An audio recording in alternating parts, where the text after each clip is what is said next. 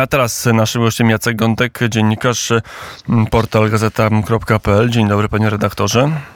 Dzień dobry. E, trwa proces konsultacji u pana prezydenta. Odbyło się spotkanie Andrzeja Dudy z Kośniakiem Kamyszem, presem PSL-u i Szymonem Hołownią, liderem Polski 2050, czyli trzecia droga już po rozmowach w Pałacu Prezydenckim, ale my nie od tego rozmowy zaczniemy, a o zmianach na szczytach władzy partyjnej, może takich no, nie najwyższych, ale jednak istotnych miejscach w Prawie i Sprawiedliwości odchodzi e, sekretarz generalny partii partii, czyli Krzysztof Sobolewski. Co to oznacza dla partii rządzącej?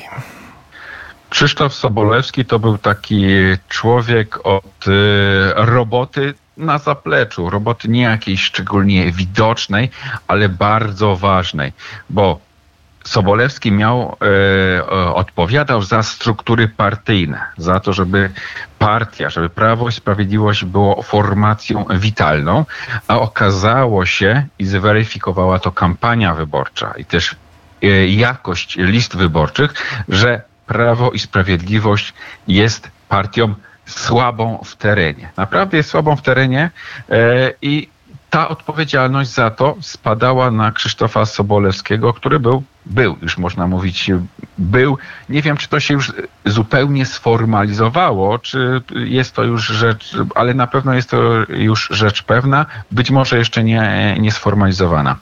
Sobolewski odpowiadał za partię, partia zawiodła, czasie kampanii, więc Sobolewski e, postanowił odejść, ale też na samej Nowogrodzkiej była duża irytacja na e, takie wkurzenie na Sobolewskiego, więc tutaj oba te czynniki i poczucie odpowiedzialności Sobolewskiego i, i wkurzenie na niego w partii złożyły się. Sobolewski musi więc odejść. E, czy to jest ważna zmiana? Owszem, tak, jest to rzecz ważna, bo partia musi po prostu żyć i działać, a jeśli nie będzie żyła w czasach opozbycia w opozycji, no to po prostu może y, no, umrzeć taką powolną śmiercią. A Jarosław Kaczyński do tego w żaden sposób nie chce dopuścić i patrzy w przyszłość. Jest już jakaś giełda nazwisk e, w, samej, w samym PiSie. Nawet są takie plotki, że to Mateusz Morawiecki mógłby zostać e, takim sekretarzem generalnym, ale to na razie są plotki. Mm, no to jest pytanie, kiedyś tą funkcję mm, chyba z, wówczas z dużymi sukcesami pełnił Joachim Brudziński. Mm, Krzysztof Sobolewski był na tym miejscu, miejscu sekretarza generalnego, jakby jego nominatem, jego następcą dość naturalnym. Teraz... Tak, i nawet mówiło się o Sobolewskim, że to jest taki wicebrudziński. Więc owszem, to był człowiek Brudzińskiego, e, ewidentnie, absolutnie lojalny wobec Kaczyńskiego, ale również wobec Brudzińskiego. To jest tak, że to jest pierwsza osoba, ale nie ostatnia, że odchodzącą partię władzy, partię teraz, teraz będzie silną, no bo prawie 200 mandatów, czyli bardzo silną, ale jednak opozycją czekają dalsze przetasowania, dalsze dymisje, e, dalsze przebudowania kadrowe. W zeszłym roku, około chyba półtora roku temu, PiS przeszło o reformę taką partyjną, strukturalną. Rozmnożono okręgi partyjne z 41 do 100. Teraz, e, słyszałem o tym e, dzisiaj i, e, i też to pisałem, e, najwyższe władze PiSu zdecydowały, żeby tę reformę cofnąć po prostu. De facto przyznano się do błędu, że to, co miało pomóc, de facto zaszkodziło partii i trzeba to odwrócić. Na pewno w terenie polecą głowy. Nie będzie to już rzecz taka widowiskowa jak, jak e, dymisja Sobolewskiego, ale w terenie na pewno polecą głowy. Jest też inna rzecz. Trzeba znaleźć jakieś odpowiednie miejsce dla Mateusza Morawieckiego, bo wszyscy sobie zdają sprawę na Nowogrodzkiej, nawet jeśli publicznie mówią coś innego, że przyszły rząd to będzie rząd Donalda Tuska, a my, PiS, przechodzimy do opozycji. Jest dyskusja, była w zasadzie dyskusja i zapadła decyzja na Nowogrodzkiej, jaką funkcję w istocie powinien pełnić Mateusz Morawiecki. I oto Mateusz Morawiecki ma zająć się stworzeniem takiego specjalnego zespołu w PiSie, który będzie non-stop recenzował, kontrował ekipę dzisiaj jeszcze opozycyjną, ale za parę tygodni już rządzącą ekipę Donalda Tuska i to jest to nowe miejsce, nowe miejsce, które w obozie PiSu ma zajmować Mateusz Morawiecki. Ale miejsce nieformalne, bo ani szef klubu, ani jak rozumiem wicemarszałek, więc tutaj żadnej formalnej funkcji z pokojem, z gabinetem w Sejmie, z samochodem, to już się trochę żarty, pan by, już za chwilę, chwilę były premier nie dostanie.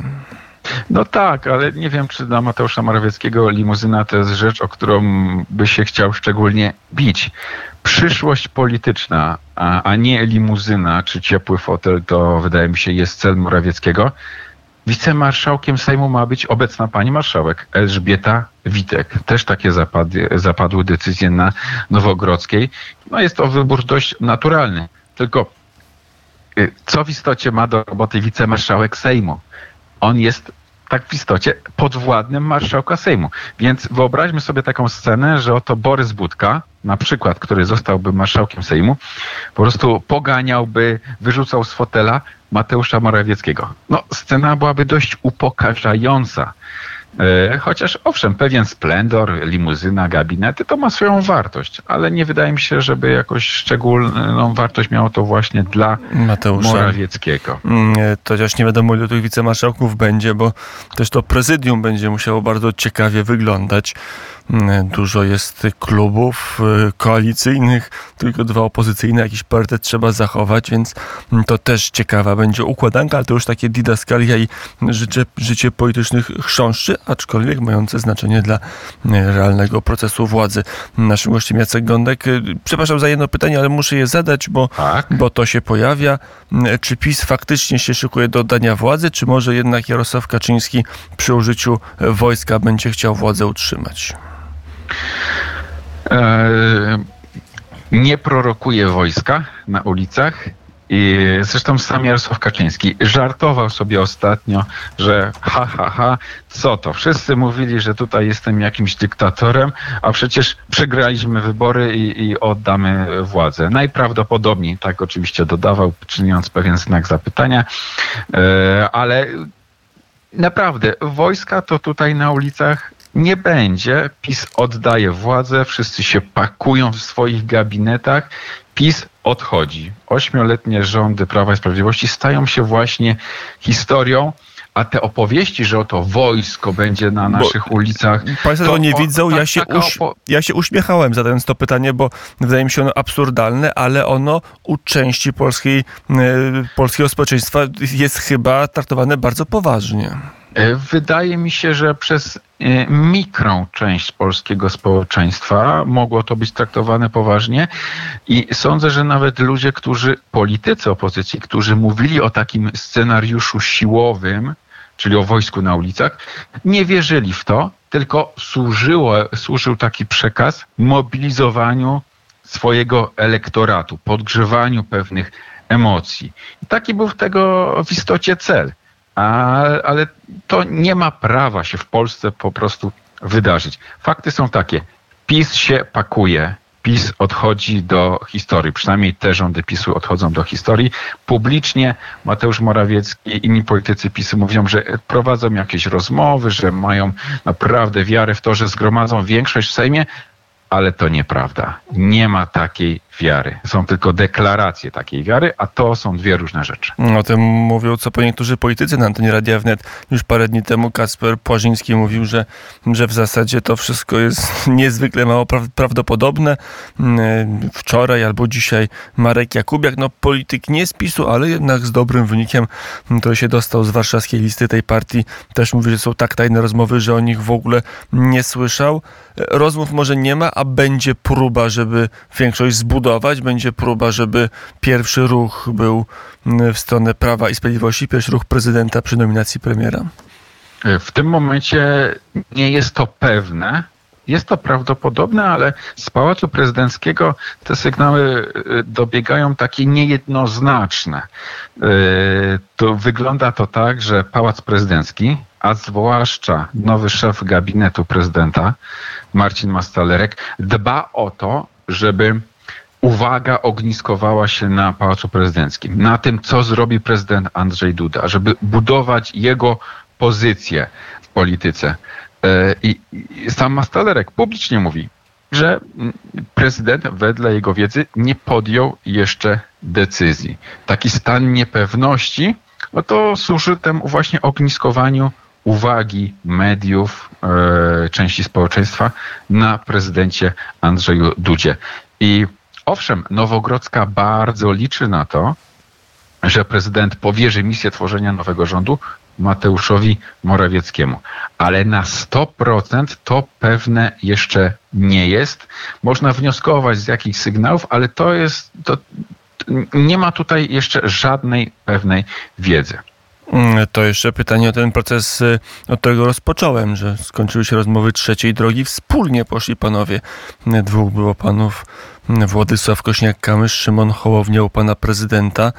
To najszczuplejsza jak na razie y, delegacja partii politycznych nowo wybranych mm, do Pałacu Prezydenckiego. To jest jednak sygnał i symbol, że dwóch panów poszło razem. Co to oznacza dla, dla tego projektu i co to oznacza dla tego projektu tworzenia nowego rządu? Y, Ja bym zwrócił uwagę na przykład na skład delegacji Koalicji Obywatelskiej. Bardzo szeroko. Właśnie, Donald Tusk, Marcin Kierwiński, czyli sekretarz generalny, szefowa Zielonych, Urszula Zielińska, Adam Szłapka z Nowoczesnej, Barbara Nowacka z Inicjatywy Polskiej. Cała plejada, cały skład Koalicji Obywatelskiej, a tam jest przecież kilka partii. W trzeciej drodze są dwie partie. No i to jest naturalne, że oto e, dwóch liderów poszło do prezydenta na te rozmowy. Mogli E, pójść oddzielnie. E, Nie wydaje mi się. Nie. W trzeciej drodze jest takie wrażenie zbudowane świetnym wynikiem w wyborach jednak. No ponad 14% to jest świetny wynik. Przecież y, połowę tego niektóre sondaże dawały przed wyborami trzeciej drodze, a tutaj wynik naprawdę e, doskonały, powyżej oczekiwań samych liderów trzeciej drogi. Ale to wygląda tak, że parę miesięcy przed wyborami trzecia droga to była jakaś enigma dla części wyborców, nawet dla dominującej części wyborców. Teraz trzecia droga, ten szyld jest wypromowany. Dwóch Kośniak-Kamysz, Szymon oni osiągnęli polityczny sukces, naprawdę duży.